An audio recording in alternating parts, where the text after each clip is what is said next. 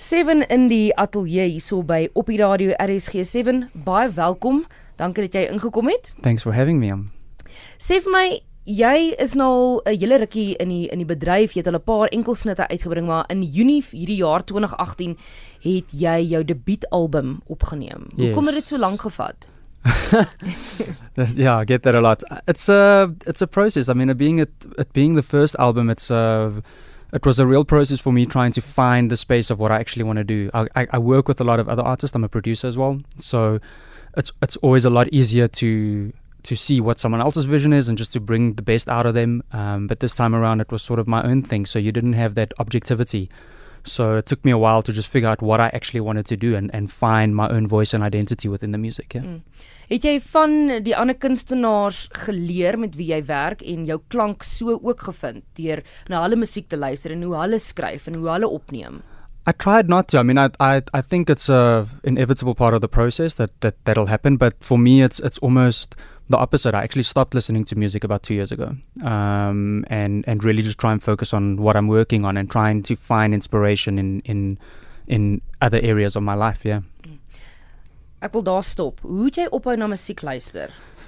So it's like a, I mean, I still, I mean, you hear music. So I mean, things are playing in malls and if you at shows and whatever. And uh, when, I mean, I've got some of my favorite artists. If they bring out a new album, I'll listen through it once just to see what they're up to and, and to hear it. But I, what I'm, when I say I stopped listening to music, is is sort of as a consumer where you've got the same song on repeat or you know, I haven't listened to an album on purpose more than twice in two years. So for me, it's it's I'm, i like knowing what's out there and what other people are doing. But uh, if if you're listening to if I listen to an album five or six times in a row, the minute I go into studio trying to create, I'm naturally just going to recreate that, and and that's what I'm trying to stay away from.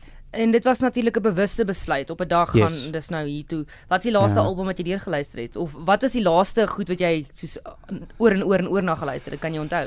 I think it was Ellie Goulding's Halcyon Days album was the last one that I really got, and that's the I think that's the album that that made me realize it. Like because I was then making a lot of music and going, okay, whoa, I'm really just recreating that thing, you know. Mm-hmm. And then I went on tour. I went away for a whole month, and I just didn't really listen to music because we were playing so much and um, I didn't listen to as much music, and then I found that I could get into a space of just where where I could sort of try and explore myself more rather than having that very strong influence. Yeah.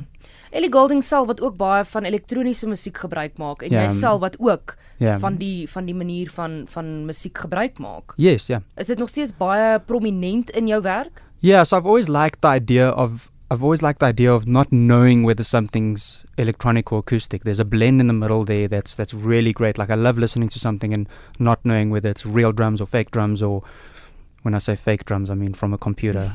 um, but yeah, I mean it's you know whether it's a, a, synthesizer or a vocal sample or whether it's a, a, guitar or a synth or whatever the case. There's a space there that I really really enjoy. You know, and I, I find that if I'm just programming music and, and, and really only using like electronic sounds, there's a plasticness to it that I don't enjoy. And when I only use live instrument, then there's a too old schoolness that I don't enjoy. So for me, there's a blend in between there that I really, really like. Mm. Jy's ook betrokke self by alles, uh, van die kunswerk van jou van yeah. jou albums tot die vervaardiging want natuurlik jy jy werk by 'n 'n ateljee, jy vervaardig ander musikante se goed. Is hoekom is dit so? En vertel ons by wat is jy eintlik alles betrokke? That's a good yeah. So I mean, that's that's also partly why it took so long is because I did everything. Um, I think for a lot of other artists, they'll have someone do album artwork and have someone do the music video, maybe come up with ideas and things. But for me, it was a combination of of wanting a project that's my own and sort of having a very specific idea of what I wanted and finding it hard to get people who who could do those things in that way. Um, I also enjoy all forms of creating, uh, not just music. So I, I love making videos. I love designing logos and artwork and websites and that sort of stuff. So for me, it was and being able to create the whole thing was really great uh, in the sense that at the end of the day, I can look back at it and going, it's it's really my thing, you know. Mm. So um, yeah, I mean, I've done everything from the artwork, logo designs. I designed my own website. I did the music videos, recorded the music, mixed the music, edited the videos directed the videos, literally everything, yeah. Jy okay, jou album het nou uitgekom in in Junie. Dis dis uh, dis nou die dag dat die album is basies vars. Het jy al nuwe musiek begin maak van van toe af? Yes, definitely. Ja. Die klank yeah. enigstens verander. Very much. Yeah. I mean, it's it's. No, I won't say a lot. I think people will still will be able to see how I how I'm going to get to where I'm going. It's sort of early days. I've got about ten tracks that that are sort of half produced, and there's a strong flavor happening, which I'm really enjoying. Um, I I don't. I'm I'm the sort of artist that don't like recreating the same thing again. So for me to make another album like the one I just did, um, I don't think I'll enjoy that very much. So mm. I think people must hopefully just go along with the ride, you know, and, and let's see where it goes sort of thing. Buiten die die elektroniese aspek en natuurlik die akoestiese aspek wat jy nou gepraat het van wat jy probeer 'n uh, 'n balans bring tussen die twee. Vertel ons van die lirieke wat jy skryf.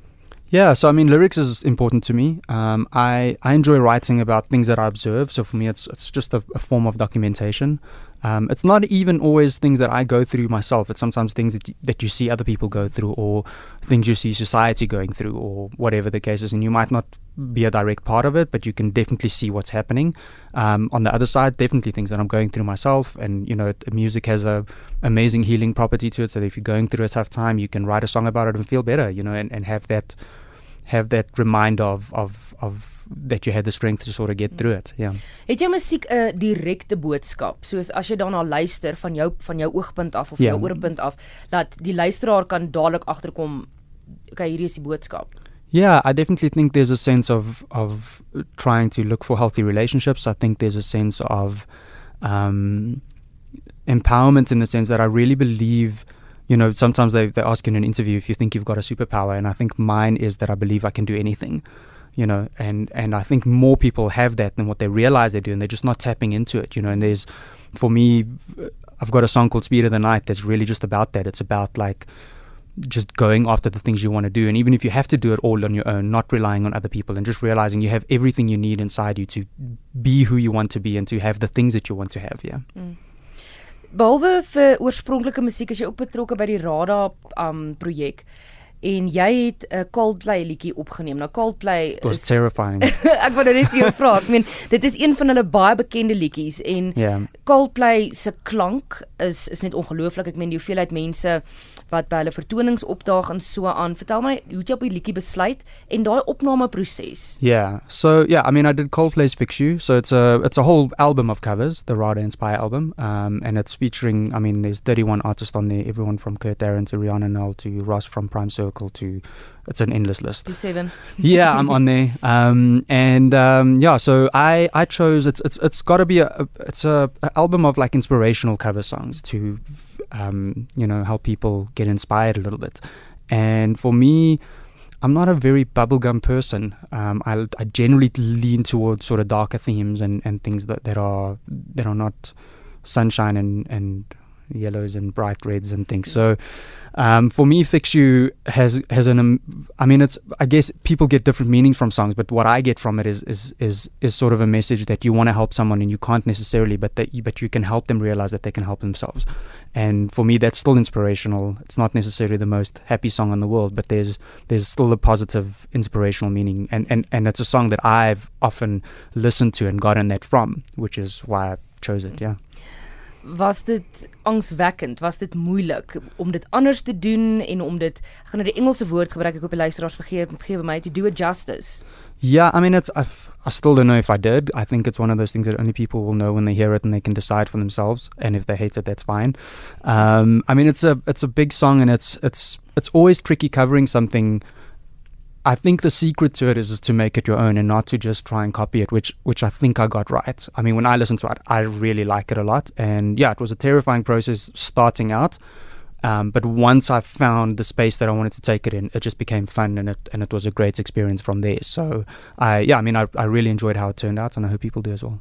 In die reaksie van die luisteraars? So far so good. I haven't had anyone tell me they hate it, so that's a it's a goeie teken. It is a good sign, but I mean, someone's got to hate it out there somewhere. So it's it's I I I'm a optimist, eternal optimist in the sense that I I think that people. You know, it's okay if people don't like it. Not everyone has to like what I do, and that's completely fine as mm. well. Yeah. Jy was onlangs oor see gewees. Jy het 'n yeah. toer gedoen. Ek sien jy was in New York en in Canada. Was vir was dit vir besigheid of plesier? Uh no business. I I'm very fortunate to get to travel a lot. Um I've been all over the world, Europe, US, Canada was my first time. This time Canadians are so friendly. They have peameal bacon and maple syrup, which is amazing. Um, but yeah, I went to New York for some recording at a really really cool studio there, and then I went to the Toronto Film Festival for for the festival. Yeah, that was which was also great. So I did some acoustic performances, um, and then I I recently signed a management deal, um, and it was sort of a networking, setting up things for the future because um, they they're doing the company I signed with are doing a lot of exciting things in in both. Uh, Canada, US, Europe, um, there's a lot going on, so it's just sort of setting all of that up. So die plan is om oor see te gaan en dit internasionaal te maak. Yeah, I mean, I don't, I don't necessarily like it when people put it like that, just because it, it, it feels like you're abandoning one thing for yeah, another, which yeah. I don't think it's, it's. I think we're we we living in the best time for music in the sense that I can be in South Africa and perform here and do my thing here, and then I can go to the US and go do it there, and I can mm. come back here again. And with the internet and all these things, the world is really the stage. And and if you only, I think for any artist that if only want to work in, the, in their territory, it's it's a bit of a sad situation because you've got access to the world. So it's it's it's not really in my head. I don't. It's just a an expansion of what I do rather than it's not a leaving or a it's you know. I mean, I, would always love. sorry. Yeah. I, no, no, exactly what you're saying. It's an opportunity for more people to see it, and it's it's also it's just an opportunity to to explore other territories and to you know to not be stuck in where you are. Yeah. Mm. Uh fashion. You've got yeah. a you you into fashion as well if I if I understand right. Yeah. As ek so reg kyk na jou na jou sosiale media. Waar yes. kom dit vandaan? Dis dis interessante goed jy het ek dink ek weet nie waar dit was nie maar jy het so 'n masker ding aangegaan. Yeah. So, vertel my daarvan. Yeah, I I mean I like again I like strange things. I've always been the the the odd one out. I remember. I mean, I was in primary school and tried to dye my hair blue for the first time, and my mom was helping me with food colorant, and you know, so it's, it's always been. I got my first tattoo in high school. It's like it's it's. I've always liked alternative weird things from a fashion point of view. I love avant-garde stuff and like things that are just a little bit out there. And I think it comes from, you know, your clothes says a lot about who you are. It's definitely not just a functional thing. You know, it's it's you know you can when a person wears a specific thing, you can tell a lot about them with what they wear. So for me, it's like being able to wear things that aren't necessarily typical speaks to my identity as a person, and I can I can sort of it's a it's a a, a moment to not have to be like everyone else. You know, mm. it's a choice. You can you can either wear what everyone else is wearing, or you don't have to. And uh, if you don't want to, that's amazing. Yeah. Kom ons sit af en sê vir ons waar kan jy waar kan die luisteraars jou volg, jou musiek koop, optredes en so aan. Yeah, so the best is to head to my website which is 7.net s e w e n.net. Um all the links are up there, show dates will be up there, uh links to social media. My social media handles are all 7 official. Um so that's easy as well. Ek wil vinnig afsluit, skus, ek het gedink ek is klaar. Waar kom die naam 7 vandaan?